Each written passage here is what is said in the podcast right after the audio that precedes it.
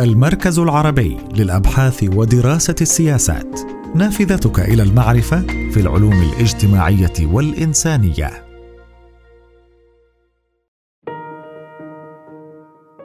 إلى أي مدى تمثل سياسة بايدن افتراقا عن سياسة سلفه ترامب؟ على صعيد السياسة الخارجية الأمريكية أم أن سياسة بايدن تمثل استمرارا لسياسة ترامب فيما يتعلق بالعلاقة مع الصين وروسيا وانسحاب الولايات المتحدة من الشرق الأوسط والتعامل مع إيران وبرنامجها النووي. اولا العلاقة مع الصين. بعد إعلان فوز الرئيس جو بايدن بالانتخابات الأمريكية توقع الكثيرون أن يقدم سياسة أكثر استقرارا تجاه العالم. لكن مع تجاوز العام الأول لإدارته أظهرت المؤشرات أن سياسته لم تختلف كثيرا عن نهج سلفه ترامب وإنما تمثل استمرارا لها. أول مؤشرات الاستمرارية والتشابه بين السياسة الخارجية لبايدن وترامب هو الخصومة والصراع مع القوى العظمى العالمية وعلى رأسها الصين إذ لم تشهد سياسة الولايات المتحدة إزاء التنين الصيني أي تغير يذكر منذ تولي بايدن السلطة إلى الآن. وحافظت إدارته وإلى حد بعيد على سياسة سلفه ترامب.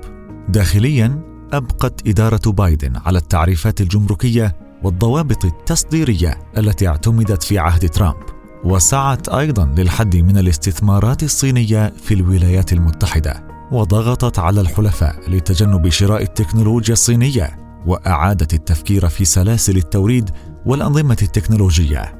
وتعمل على إطلاق تحقيق بشأن الإعانات الضخمة التي تقدمها الصين للصناعة فيها. خارجيا يمكن لمس الاستمرارية في السياسة الخارجية لبايدن وترامب في مقاربتها القضية التايوانية باعتبارها بؤرة التوتر الأكثر احتمالا لنشوب صراع بين الولايات المتحدة والصين إذ أصبحت حماية تايوان مسألة تحظى باهتمام الحزبين الجمهوري والديمقراطي على السواء في الولايات المتحدة. وتعتبر واشنطن ورقة تايوان من أهم الأوراق التي تمتلكها للضغط على الصين وعلى خطى إدارة ترامب التي أزالت القيود المفروضة على التفاعلات الرسمية. بين المسؤولين الأمريكيين والتايوانيين ارتأت إدارة بايدن تطبيق تلك السياسة بفاعلية مع الترويج لاجتماعات رفيعة المستوى بين المسؤولين الأمريكيين ونظائرهم التايوانيين. من جانب آخر استمرت إدارة بايدن في احتواء الوجود الصيني وتقييده في منطقة بحر الصين الجنوبي ورفض سيادة الصين عليه فكثفت جهودها من أجل الدفع قدما بالحوار الأمني الرباعي الرامي إلى تعزيز التعاون بين أستراليا والهند واليابان والولايات المتحدة. ورغم تشابه السياسة الخارجية لبايدن وترامب واستمراريتها تجاه الصين يمكن تسجيل بعض الاختلافات بينهما من قبيل تركيز إدارة بايدن على إيجاد مقاربة للتعاون مع الصين في مجال التغير المناخي وهو التعاون الوحيد بين الجانبين. فقد فاجأت الدولتان المتنافستان العالم بإصدار إعلان مشترك يستهدف التصدي للتغير المناخي أثناء محادثات مؤتمر الأمم المتحدة للتغير المناخي 2021 كوب 26 في اسكتلندا كما امتنعت إدارة بايدن عن ترديد دعوة وزير خارجية ترامب مايك بومبيو إلى تغيير النظام في الصين. ولكن لم تحل تلك الاختلافات دون انتشار وترسيخ الرأي القائل بأن الصين هي المنافس الرئيس بل الخصم للولايات المتحدة ما يعني أن الاستمرارية بين الإدارتين تفوق كثيرا التغيير بينهما. ثانيا العلاقة مع روسيا. ما ينطبق على علاقة الولايات المتحدة بالصين ينطبق على العلاقة مع روسيا. وفي الواقع لم تكن سياسة بايدن تجاه روسيا في جوانب كثيرة منها إلا استمرارا أيضا لسياسة سلفه ترامب.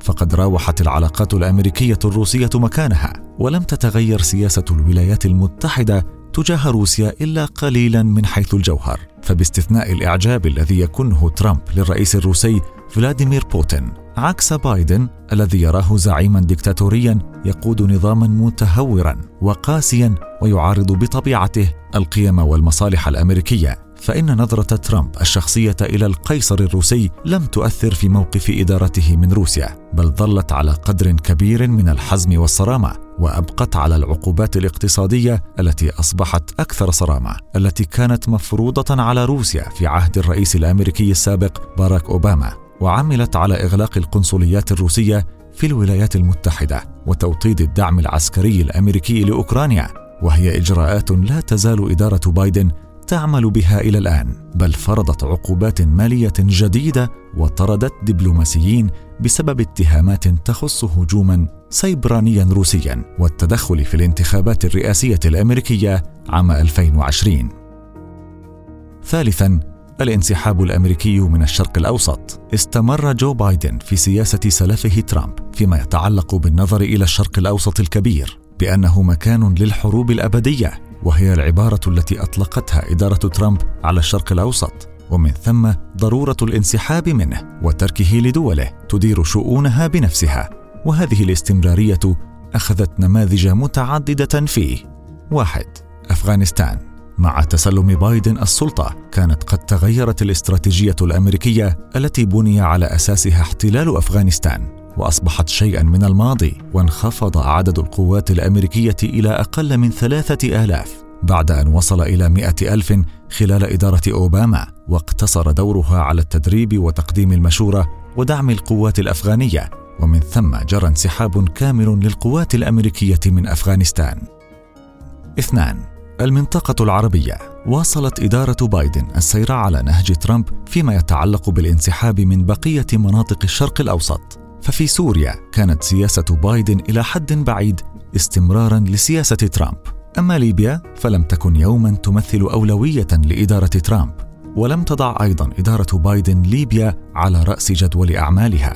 وفي اليمن لا تعد قرارات بايدن بشأنها خروجا عن قرارات الإدارة السابقة. فهي ببساطة جزء من انتقال الولايات المتحدة البطيء من الدعم المباشر لأحد الأطراف المتحاربة إلى دور الوسيط في حل النزاع هناك وهي عملية بدأت في الأشهر الأخيرة من إدارة أوباما وتقدمت في ظل إدارة ترامب. وفي العراق استكملت إدارة بايدن ما كانت إدارة ترامب تتحدث عنه بضرورة الانسحاب من العراق وهو ما تم بالفعل بانسحاب القوات الأمريكية القتالية مع نهاية عام 2021 والإبقاء على وحدة عسكرية صغيرة فقط على الأراضي العراقية. أما فيما يتعلق بالسلام في الشرق الأوسط وعلى الرغم من اعتراف إدارة بايدن باتفاقات أبراهام للسلام والتطبيع بين إسرائيل ودول عربية التي تعد أحد الموروثات الرئيسة لإدارة ترامب فقد شاركت إدارة بايدن على مضض في الجهود الدبلوماسية لإنهاء جولة القتال بين إسرائيل وحركة حماس الأخيرة في أيار مايو 2021 وتحاشت إطلاق أي محاولة جديدة للتوصل إلى اتفاق سلام بين إسرائيل والفلسطينيين إلى الآن. رابعا الملف الإيراني قد يبدو الملف الإيراني نظريا هو الاستثناء الوحيد البارز في استمرارية سياسة بايدن الخارجية على نهج سلفه ترامب. وكان هذا واضحا بانسحاب الأخير من الاتفاق النووي الإيراني عام 2018 وهو الاتفاق الذي كان بايدن نائبا لأوباما حينما وقع عام 2015 وعلى النقيض من سياسة ترامب أوضحت إدارة بايدن عند تسلمها السلطة التي تضم مسؤولين رفيعي المستوى ممن كان لهم دور أساسي في التفاوض على ذلك الاتفاق عن رغبتها في إعادة إحياء الاتفاق النووي مع إيران، ولكن عمليا يبدو ذلك استمرارا لسياسة ترامب لسببين. يتمثل السبب الأول في أنه إلى الآن لم يتمكن كلا الطرفين من عقد ذلك الاتفاق، فضلا عن أن الحكومة الإيرانية الجديدة التي توصف بالتشدد لم تبدي أي اهتمام واضح وصريح بعقد ذلك الاتفاق الذي تسعى إليه إدارة بايدن. أما السبب الثاني فهو أن إدارة بايدن تحدثت عن الدبلوماسية والتعددية والعودة إلى الاتفاقات السابقة ومن ضمنها طبعا الاتفاق النووي مع إيران. ومع ذلك ما زلنا نرى استمرار إدارة بايدن في اتباع سياسة إدارة ترامب نفسها فيما يتعلق بالعقوبات الاقتصادية المفروضة على طهران ومنع التصرف بالعائدات النفطية الإيرانية في البنوك الأجنبية وهي الإجراءات نفسها التي اتبعتها إدارة ترامب. في النهاية يتضح لنا أن السياسة الخارجية الأمريكية بعد أكثر من عام من حكم جو بايدن لم تتغير كثيرا. قد يكون مجرد تغيير في الأسلوب أكثر من كونه تغييرا في المضمون وفي الحصيلة هي تمثل في كثير من المجالات والحالات استمرارية لسياسة سلفه دونالد ترامب.